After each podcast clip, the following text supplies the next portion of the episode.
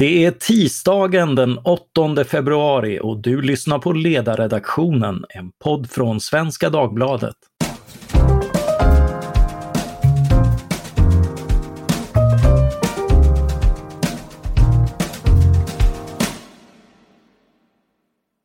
Jag heter Mattias Svensson och dagens ämne är människor, mat och moral. Min gäst idag som ska ta oss igenom detta aptitliga ämne är Lena Andersson, författare och krönikör på Ledarsidan och en av Sveriges ledande intellektuella. Välkommen! Ja, tackar, tackar. Du har för den knappt ännu lanserande tankesmedjan Environment and Public Health Institute, EPHI, skrivit sen att äta eller inte äta om kostråd för verkliga människor. Eh, där skriver du bland annat om en förfelad människosyn bakom många förslag till politiska ingrepp och regleringar med ett exempel som är tankegången att affärsidkare som är näriga, de ställer godiset vid utgången. Och en ofta diskuterad politisk åtgärd är att tvinga dem att ställa det mer undanskymt. Vad, vad vore fel med en sån åtgärd? Ja, det, det som är fel tycker jag är själva utgångspunkten att man tror att människor är helt mekaniska i sina val. Um, att man uh, köper godis i onödan för att det ligger framme, att man äter med ögonen uh, och inte med det, det, sitt inre tankeliv. Att detta är beteende då när man äter fel och för mycket eller av fel saker och inte håller sin diet. Att, um, att det beror på att man frestas bara. Och att man frestas inte om det inte ligger framme i affärerna. Man är alltså en slags mekanisk varelse som inte vet om att det finns godis om man inte ser det. Och det går emot all min erfarenhet och allas, tror jag, som någonsin har ägnat sig åt någon diet eller tänkt på det här med hur man ska äta och inte äta. Eh, man vet att det finns godis även om det inte ligger framme och även om man inte har det hemma. Och ja, så att ska man bli av med godisätande måste man nog i så fall förbjuda det från, från världen. Ta bort det helt. Ja, jag tänker att det här är anledningen till att de flesta förslag på det här området är så, är så futtiga. Man, man talar om att införa en skatt på läsk eller godis och så mäter man en minskning av läskkonsumtionen på några procent och utropar folkhälsans seger. Alltså vad, vad missar man i ett, ett sådant resonemang? Man missar tycker jag att det här är också en själslig fråga. Alltså att människor, eller det är framför allt det egentligen, det är väldigt mycket kropp i det, men det, det är också det psykiska. Eh, man förhåller sig till sitt ätande och sina bantningsproblem eller vad man nu har eh, med själslivet. Eh, vad, vad, vad, vad är mening? Vad har man för meningsskapande element i livet? Hur, vad njuter man av? Hur mycket ska man njuta? Allt, alla de här sakerna som människor har brottats med hela, under hela sin existens. Um, men det, eftersom det här har blivit en sån vetenskaplig fråga och då blir den gärna naturvetenskaplig så måste man ju operera bort själen för den går inte att kvantifiera eller den går inte att förstå sig på annat än om man verkligen kvantifierar den på sätt som gör att den blir obegriplig. Och då eh, då, då, de måste vara liksom rent materialistiska så de måste kunna räkna, titta på hur, hur, vad som händer i experiment om människor eh, om det står för mycket framme, ja då kommer man äta så mycket. Om man inte står framme, det är så ganska konstruerade experiment och så drar man stora slutsatser om dem. Eh, men alla som har levt, som vanligt handlar det om att man måste veta vad det är att leva som människa i vardagen och varje dag och, och varför man äter för mycket, eh, om man gör det. Och, och, hur man motiverar det för sig själv och vad det är som plågar människor med detta. Så att eh, det, det, kommer av den här väldigt ska vi säga, scientistiska synen på mat där, och det är alltid är mm. upphackat i små bitar och eh, även, även matvarorna själva eh, och även beteendet. Ja, det är därför det ofta överraskar. Vi tycker ju att ett roligt exempel på sitt sätt är Danmark som har väldigt hög skatt på sötsaker och, och det har ju lett till att folk undviker de beskattade sötsakerna men det är ju inte det är inte så att de har slutat äta godis utan de har tvärtom ätit mer godis eftersom de handlar mer på sina resor och de har också mm. fått en, en svart marknad med smuggling från Sverige och godisbutiker med misstänkt billigt godis. Eh, så, så de har en svart marknad för lakrits som mm -hmm. resultat. Ja, det blir, jo, därför att visst, eh, det, det, det, är någon slags mekanisk syn som jag inte förstår riktigt. Jo, jag förstår därför att det är behaviorism och det är vetenskapen måste ha sin syn på människan som, som då måste kvantifieras och allt detta. Men det stämmer ju inte med vad det är att leva. Och det är, det, stora, det är ett stort ämne överhuvudtaget för humaniora och samhällsvetenskap att de försöker härma eh, naturvetenskapen och därför glömmer egentligen hur människan är. Utan mm. det, tror sig kunna berätta det genom vetenskapliga experiment. Medan i själva verket så måste man ju faktiskt ha en idé om det innan man, innan man gör experiment om de ska bli sanningsenliga. När vi tog upp det här ämnet på redaktionsmötet kom det upp hur viktiga sociala regler är. Att, att fransmännen de äter sitt lilla bakverk till frukost men de äter inte tio som mm. amerikaner eller svenskar kanske hade gjort. Eh, du är inne på att det finns en visdom i de här sociala reglerna kring ätande. Ja, just det. Jag är inne på att de här reglerna, eh, konventioner då kring mat har gjort att i vår eh, tid där, man, där det har varit väldigt inne och kan man säga, och, eller progressivt att bryta mot normer och försöka se vad som är förlegat och förtryckande och sådär, nedhållande i normer, så har man också fått för sig att människor bara följer de där reglerna mekaniskt också för att man ska följa dem. Titta, titta man gör bara det man har lärt sig att man ska göra. Och man borde, alltså kan man göra på något annat sätt lika gärna. Och, och, och då ser det, det ser ut som att man följer bara konventioner men det är ju för att de kanske en gång har... Det är inte mekaniskt bara för att man följer dem utan att tänka efter varje gång, utan någon gång har någon tänkt, och ganska många, och funnit att detta är rätt och vist och klokt. Och då är det ju förnuftigt att inrätta dem som regler så att man inte varje gång måste tänka på e-, banala saker. Vi äter ju ganska ofta under livet och det kan vi inte ständigt ägna oss åt att tänka på hur vi ska göra. Så det måste ju vara inrättat som regler och rutiner. Och, och när man tittar på de här reglerna, så, den franska till exempel som du nämnde, så ser man ju att de gör ju väldigt rätt de, och, och, länge har ju fransmännen hade mindre problem med övervikt och sånt på, på, på gruppnivå än, än många andra västländer. Och, ehm, så att det finns en klokskap i de här normerna därför att, man, därför att det finns något som är sant kring detta med tillfredsställelse. Där man också tar hänsyn också till just njutning och tillfredsställelse och förstår vad det är att äta. Att det, inte, det handlar inte bara om att försöka äta så lite som möjligt eller njuta så lite som möjligt. Nej, nej det är ju en, en viktig poäng vi ska återkomma till. Det, det finns ju också en eh, kring det här med regler, en trendmässighet och ett moraliserande. Du har ju varit inne på det inte minst i din roman Duck City där, där smalhet blivit ett ideal som genomsyrar hela samhället och blivit ett slags absurd identitetspolitik. Hur, hur ska man skilja det, det här ajabajandet från, från det kloka i, i, eh, i etablerade sociala regler?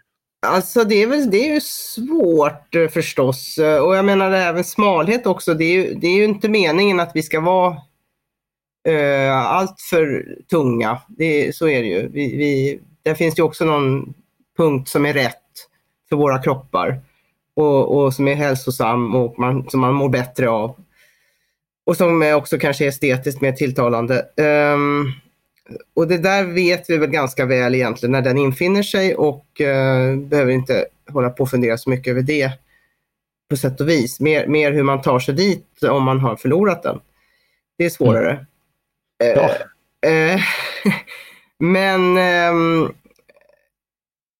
Ja, man får helt enkelt lära, pröva sig fram. En del, en del behöver aldrig fundera över det här. Det, de är ju lyckligt lottade, men de är inte så många som man tror. Faktiskt. Jag, jag, tror att väldigt, väldigt många fler ägnar sig åt sitt ätande än, än vad man vet om. Även om man, man själv håller på med det så kan man tro att man är ensam ibland. Men eh, jag tror att det är rätt vanligt ändå att man i stillasittande liv som vi lever måste man ju förhålla sig till det. Oh ja, absolut.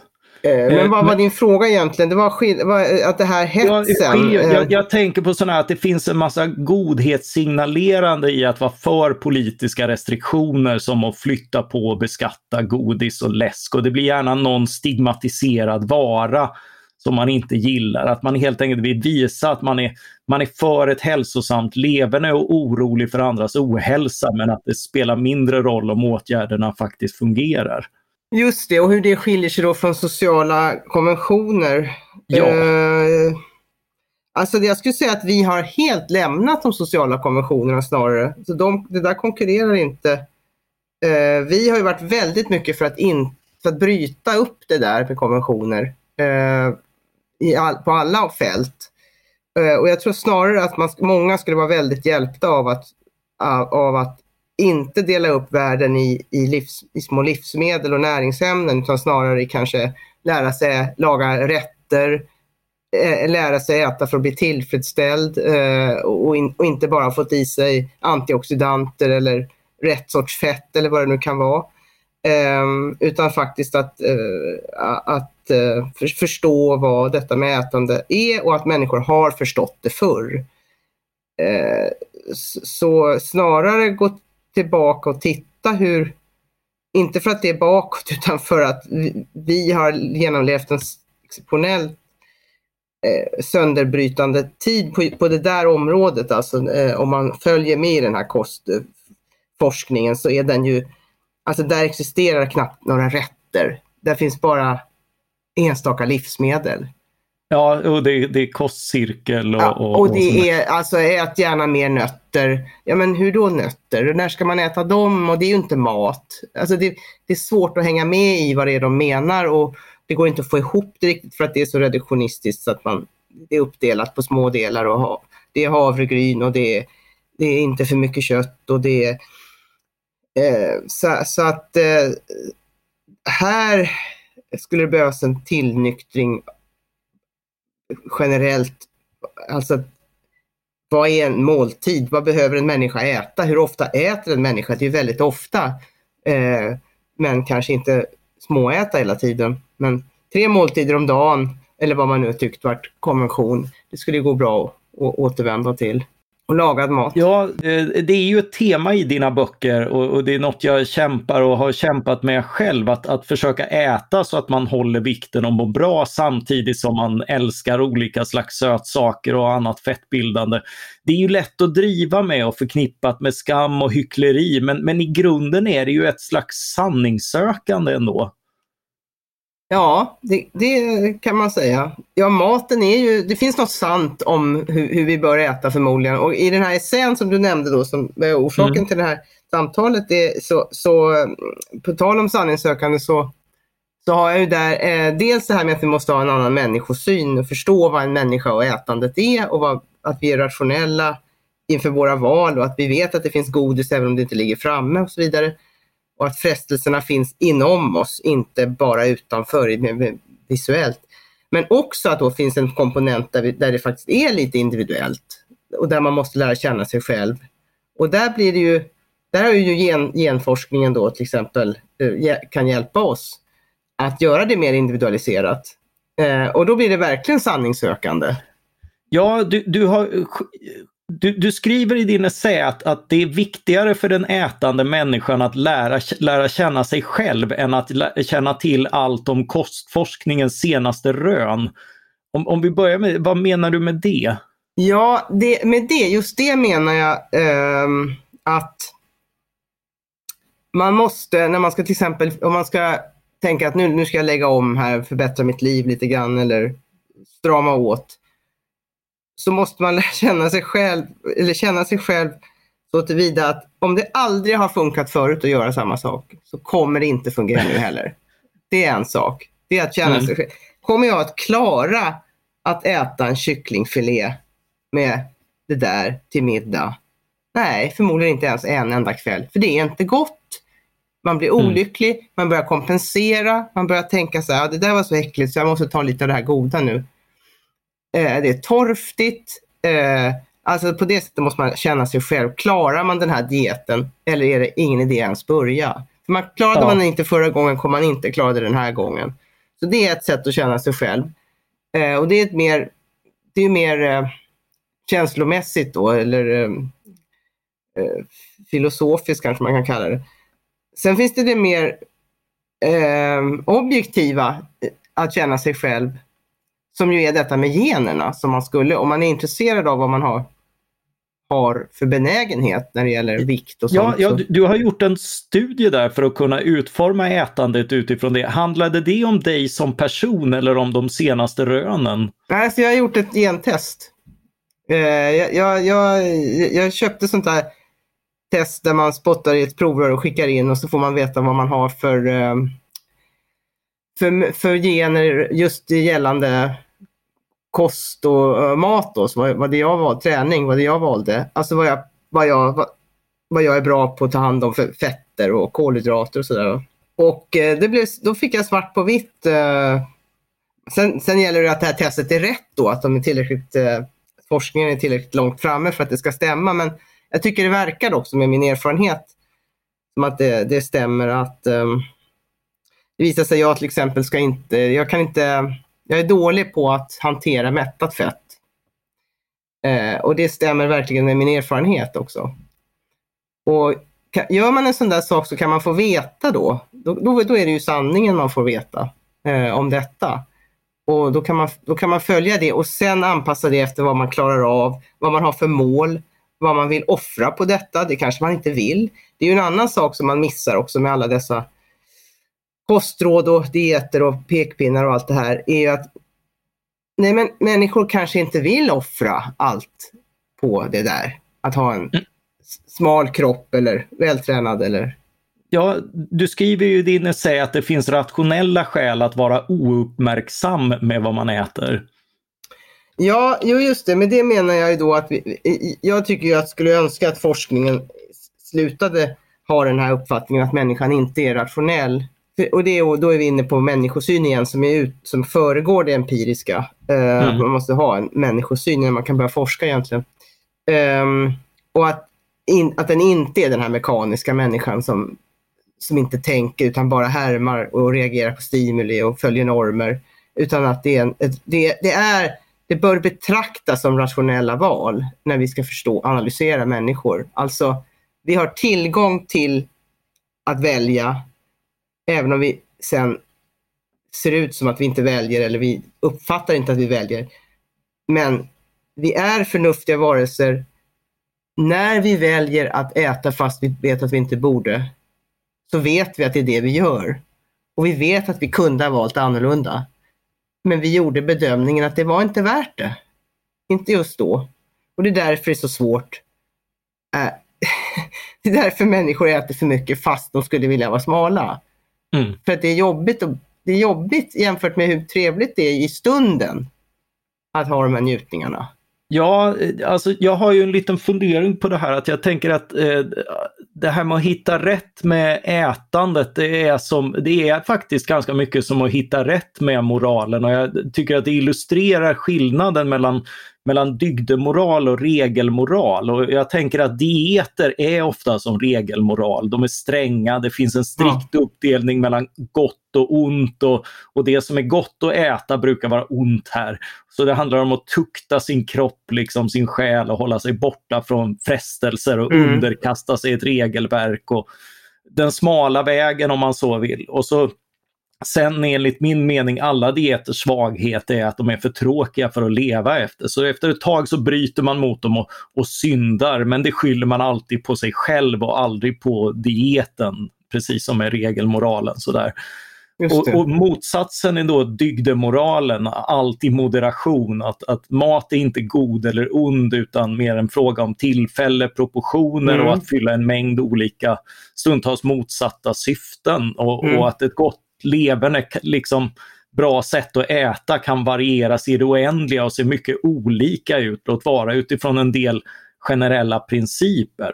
Och då knappast så att det lämpar sig med, med lagstiftningens tvingande regler lika för alla. Ja, men det är en otroligt bra sammanfattning tycker jag. Precis så är det och eh, den stora skadan är ju för den som... För man kan lätt bli besatt av dieter och bantning och sånt där. Det är många som blir. Mm. Eh, är att, man, att det blir just att viss mat är förbjuden då. Det är väldigt lätt att få in det i sitt huvud. Eh, och verkligen känna så. Att det är haram och halal verkligen. Ja, jo, de här eh, LCHF har ju till och med blivit en så, så omhuldad diet i vissa kretsar att, att det har liksom någon avhandling om det fick ställas in för att det helt enkelt eh, bombhotades eller någonting av folk som irriterade på att, eh, slutsatser som gick emot.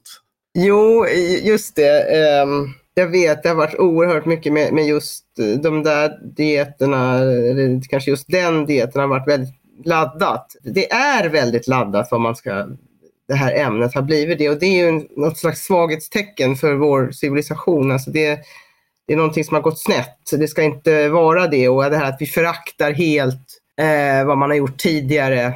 Eh, och så säger då LCHF, eh, de säger så här, nej men det är det vi återupptar. Vi, så här åt man i Frankrike när de var som bäst på 1800-talet. Eh, jo, fast ja, om de skulle banta kanske. Men det var ju inte så att man inte fick Alltså baguetten åt man och mm. man var inte, det var inte förbjudet med potatis. Alltså det blir ändå, blir ändå väldigt konstig eh, version av det som skulle då vara eh, att äta, riktig mat som de säger. Så, så att um, att det här har blivit så laddat är för att vi tror att vi ska hitta på något nytt här. Och kanske på det här fältet är det inte så lätt att göra det. Även om vi försöker. Vi ska äta nu gräshoppor och vi ska äta insekter och sådär. Men... Jag har ju tänkt på det att, att det, det är så många eh, jag får intryck, framtidsutopier brukar ju vara väldigt avancerad teknik och sen så äter de sämre än idag. Mm det är någon jättetråkig sörja som bara tillgodoser näringsbehovet. Alltid. Som i The Matrix och sådär. Den ja. enda som äter gott är ju han förrädaren. Men de är ja, och då är det ett tecken på lastbarhet. Eh, ja, precis. Att man njuter. Ja. Eh, det där är ju också alltid... Eh, när man ska tänka sig in i framtiden så brukar det just vara att man ska få äta ett piller som om vi längtar efter att slippa äta. Ja, precis. Vem vill dit? Nej, helt från, från eh, verklighetsfrånvänt är det. Eh, istället njuter vi mer än någonsin av att det ska vara närodlat och det ska vara trevligt och gott och saluhallen och sådär. Eh, så att eh, det, det, det, här, det är oerhört mycket förvirring i den här frågan och den är laddad och den är kopplad till utseende, till hälsa, eh, till eh, alla de här, just de här dygderna som du, som du nämnde, alltså behärskning också, självbehärskning, mm. kontroll. Och problemet är ju att alltså, om man börjar äta rätt med riktig mat, inte så många gånger per dag, men några, så behöver man inte ha nästan någon självbehärskning.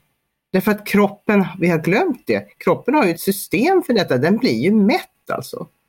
Man blir mätt och då behövs det inte jättemycket behärskning för att inte vräka i sig. Det behövs bara en påminnelse, just det. Jag behöver inte äta allt jag ser. Det är inte särskilt svårt att avstå, men när det är svårt, det är när man är hungrig. Och när är man det? Jo, när man bantar.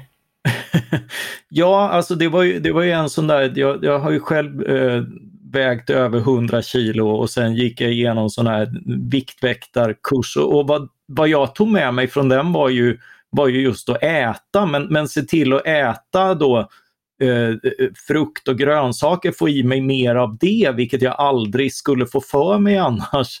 Eh, och då är man ju hungrig och då tillgodoser man det med bara fel saker. Ja, man ger upp också då när man blir sådär hungrig. Oh man tänker oh ja. så, här, eh, så här kan jag inte leva i alla fall, det här går inte. Eh, jag får börja om imorgon eller någonting. Eh. Ja, så är man tillbaka i skuld. Och, och sen finns det alltid någon ny, någon ny diet att testa liksom. Ja men precis och sen så får man höra att så här mycket är en normal portion och så kanske man tycker då att det där är för lite för mig. Det är något fel på mig och det är det jag menar med att man måste lära känna sig själv. Om det är en för liten portion enligt Livsmedelsverket, eller vem som nu säger det, Dietverket, eller diet, eh, nya dieten. Ja. Så, eh, så ja, om, om man tar en större portion och inte går upp i vikt så är den ju inte för stor. Alltså då är det inte för stor portion. Man måste helt enkelt lära känna sig själv. Det var det som var min eh, poäng där. Och det tar ju, tar ju lite tid, men bara egentligen om man har fått problem med detta som vi många som har haft någon gång i vårt liv. För, förr i tiden så fick väl inte så folk så mycket problem med detta. De kanske av slentrian blev tjockare när de blev äldre. Men det är just idén om att det här ska ändras i grunden och när det blev, när det blev en, en fråga som man ställde sig så här. Ja, den här ska vi också på något sätt revolutionera. Vi ska, vi ska göra oss fria från allt vi har vetat och så ska vi börja med vet, vetenskaplig syn på det. Så ska vi sätta ihop det här så som människan behöver. Och kvar blev ju ingenting som var särskilt ätbart. Utan eh, det blev liksom processat och det blev maskinellt gjort och industriellt för att man skulle tillgodose den här vetenskapens syn på, jag menar jag, är inte, jag har inget emot vetenskap naturligtvis, men man måste veta vad det är man håller på med för ämne. Och just mat är ju någonting som människan har varit tvungen att klara av alltid. Uppenbarligen har människor ätit i alla tider, klarat, klarat att få i sig. Men är inte det här mycket också det, det så att säga pun intended smala segmentet eh, folk som tänker kring sånt eh, som man kallar kosthållning snarare än mat. Eh, för samtidigt så har vi ju eh, vilket jag tycker är rätt trevligt med liksom en, en större variation av kök och kryddor och, mm. och, och sätt att laga mat och så vidare. Det, den, den typen av, av berikning kullkastar ju inte klokskapen i att, att liksom äta sig mätt på ett varierat sätt eller liknande utan gör det ju snarare, snarare lättare och mer varierat tänker jag. Ja, de, ja absolut. De olika köken och sådär, ja, det, det är ju helt, helt klart. Men eh, jag menar mer det här upphackadet i, i näringsämnen snarare än i, än i rätter eller matkulturer eller det, så det, det är ju bara bra om man får en vari, mer varierad kosthållning och som går lätt att laga. Vi, jag menar, vi har ju mindre tid för att laga, vi är inte hemmafruar och sådär. Det måste ju, det måste ju vara en rimlig tidsåtgång. Mm. Eh, så det, det, det är mer att det blir en vetenskaplifiering av vardagsätandet som jag tror är helt fel. Alltså att man, man koncentrerar sig på små, små antioxidanter när man kanske skulle egentligen behöva ha en struktur i sitt, sitt kosthåll, alltså sin, hur många måltider om dagen man äter, eller vad, vad, hur gott det ska vara. Vad, får, får man njuta överhuvudtaget tre gånger om dagen? Är det tillåtet? Det finns mycket att diskutera innan man börjar diskutera exakt hur många gram av det och det man bör äta per dag och så vidare. Ja, jo men det är ju, det är ju verkligen liksom den, eh, den sökprocessen eh, jag, jag, tycker man, man eh, kan ta sig an och som är det här liksom eh, att, att hitta proportioner, hitta vad man själv tycker om och, och, hitta det man kan leva med snarare än att underkasta sig någonting man vet inte kommer att hålla, tror jag liksom alltid är, eh, är en rimlig förhållningssynpunkt, inklusive att man, att man får ge sig hän ibland, för annars skulle ju livet bli fullkomligt o, olidligt. Ja, och sen en annan, finns, moraliseringen kan också se ut på sätt som jag, på subtila sätt som jag har stört mig på. Till exempel om man, jag till exempel tycker väldigt mycket om att äta efterrätt efter maten, alltså efter mm. middagen, alltså avsluta med något sött. Ja. Och um, för det är som att avsluta, det är verkligen som ett slut. Man stänger någonting och sen är, det, mm. sen är man nöjd. Och, eh, det, det, och jag har känt så här, det här är inte psykologiskt bara, det är fysiologiskt. Det är någonting med det söta som stämmer med min kropp, alltså efter en måltid. Och om man läser det där på nätet så om man söker på sådana här saker så står det alltid så här, ja det här är en dålig vana, det är bara att träna bort. Många, alltså därför att Därför att det finns inget i sig i vår tids vetenskap, utan det finns bara vanor och inlärt. Och det, då har man lärt sig, för det är stimuli. Och, och ingenting är i sig, utan det är bara konventioner. Ja, då är det den vanan man ska arbeta bort och den ska man försöka stå emot. Och så ska, men här finns några nyttiga efterrätter. Och så är det efterrätter som mer är som frukost. Och det, det är inte efterrätt, det blir man inte tillfredsställd av. Det bara adderar onödiga kalorier skulle man kunna säga. För då vill man i alla fall äta godis sen.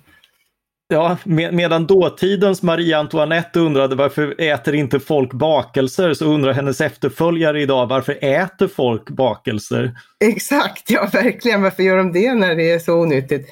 Och då är det bättre att ha den där bakelsen på rätt plats, tänker jag. Den passar där för mig, då lägger jag den där. Mm. Eh, och jag tror inte att det är, jag, jag funderar så här, eftersom det finns ett dessert i nästan alla kulturer så måste det vara någonting med detta. Det är något biologiskt som vi ska beakta och inte hålla på och försöka få bort genom att säga ja, det där har folk gjort jämt för det är en vana man traderar. Ja, men varför är det en vana? Kanske ligger något i det. Ja, onekligen. Och om inte annat så finns ju det här enkla argumentet att eh, ja, det är väldigt gott. Ja, det är gott, precis. Och då blir sista frågan, vad har man, eller slutfrågan där i det avseendet blir ju, men vad har man livet till? Det blir det, alltså går livet ut på att man ska bli smalare? Eh, förhoppningsvis inte. Eh, Som är smalast när han dör vinner. vad har man? Vad, vad, vad, är, vad är meningsskapande? Vad är njutning? Och så försöka hitta då den här nivån där det är i måttliga mängder. Och det är också en sak man lär sig om man lär känna sig själv i det här. Att om man, när man vräker i sig för mycket så är det oftast för att man tror att nu får jag aldrig mer göra det här så det är bäst jag passar på. Ja, eller för att man har hållit uppe ett tag och det enda man har tänkt på under tiden är allt man ska unna sig när, när det är över. Men om man däremot vet att nej, jag får äta lite imorgon igen, eller sen, då är det inte så stor sak. Det är ganska konstigt att de här, alla de här religionerna som förordar fasta till exempel, gör ju det för att man ska komma närmare Gud. Det är ju lite konstigt, för den som har fastat vet att det finns ingenting, man tänker bara på en enda sak. Och det, är, det är inte Gud, det är mat. Man är helt oförmögen till någon annan tankeförmåga det, jag, jag som har fastat själv denna vidriga diet eh, ja, vidrig. blev ju eh, upplyst när, när jag eh, pratade med Edvard Blom och hans fasta. Och den handlar ju i katolsk tradition, de är ju inte lika protestantiska liksom. Eh, så, så där handlar det ju mer om att avstå någonting eh, som man värderar för att sen kunna värdera det mer sen.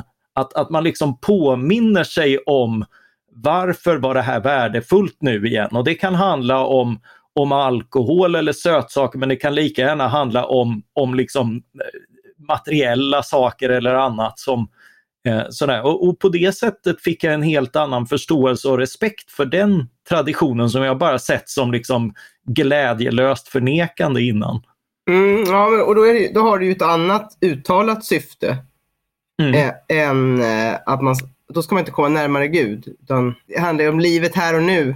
Ja, och, eh, och liksom också att, eh, att, att lära sig att, att eh, uppskatta snarare än att av, lära sig avstå för all framtid, vilket, vilket ju bara vore tröstlöst. Ja, jag tror att den här frågan måste på något sätt börjas om med och man måste förstå vilken nivå man är på som när man undrar. Men det är väl, det är väl helt enkelt en, en insikt om eh, Alltså e-, expertisens och mätandets plats och begränsningar i, i tillvaron. Att eh, mm. inte ens inte ens, det är väldigt svårt, jag försöker ju i böcker som Glädjedödarna och sådär förklara för intelligenta människor att de kanske inte vet bättre eh, än folk själva hur, hur de ska leva sina liv. Att experterna inte vet, nej. Ja, eh, och, och det är liksom, de kan optimera en parameter Eh, men, men ä, redan ätandet visar hur många parametrar som behöver balanseras samtidigt. Och, och, och, och, en stor komponent i det är just liksom sånt som man inte kan mäta och aggregera därför att det handlar om hur gott det smakar i min mun och annat. Precis, precis. Man baxnar ibland över vissa kostråd. De är helt så här frånvända. Det, liksom, e, e, eller, eller den här påståendet. Ja, men vår diet var jättebra. Vi hade bara problem med compliance som det heter då. Alltså, alltså att folk skulle kunna följa den. ja, det är som... lite som kommunismen. Det var fel. Det, det, applicerades på ett folk som inte var tillräckligt dugligt. Ja, just det. Det här, det här var omöjligt att följa, men den hade varit bra om folk hade följt den. Jo, men det är klart. Man går ner i vikt om man äter tillräckligt lite eller stramt eller strängt. Jo, absolut. Men det gick inte. Då är det, då är det något fel. Men vad är det man försökte bevisa då egentligen? Vi vet redan att man går ner i vikt och man äter färre kalorier än man gör av med grovt sett. Och vissa andra kostråd eh, blir man eh, förundrad över eller tipsförslag på vad man ska äta. Man riktigt ser hur äckligt det är eller hur omöjligt det kommer vara att, att hålla det eh, eller ta med sig det här som man måste ta med sig överallt. Det kanske går i en vecka eller två men livet måste vi förhålla oss till för de allra flesta. Så man måste göra klart för sig vad det är man egentligen talar om när det gäller det här ämnet.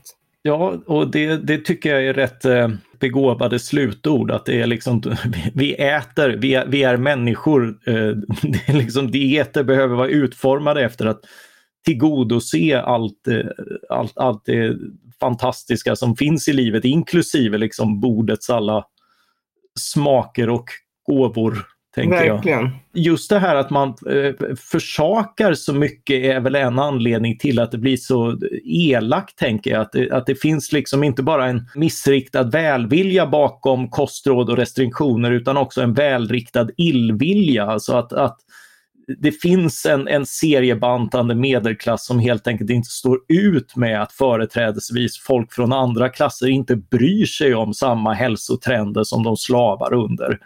Så kan det nog vara. Så kan det nog vara. Eh, men jag tror också att det finns en brist på konkretion i livet, alltså koppling till livet hela tiden.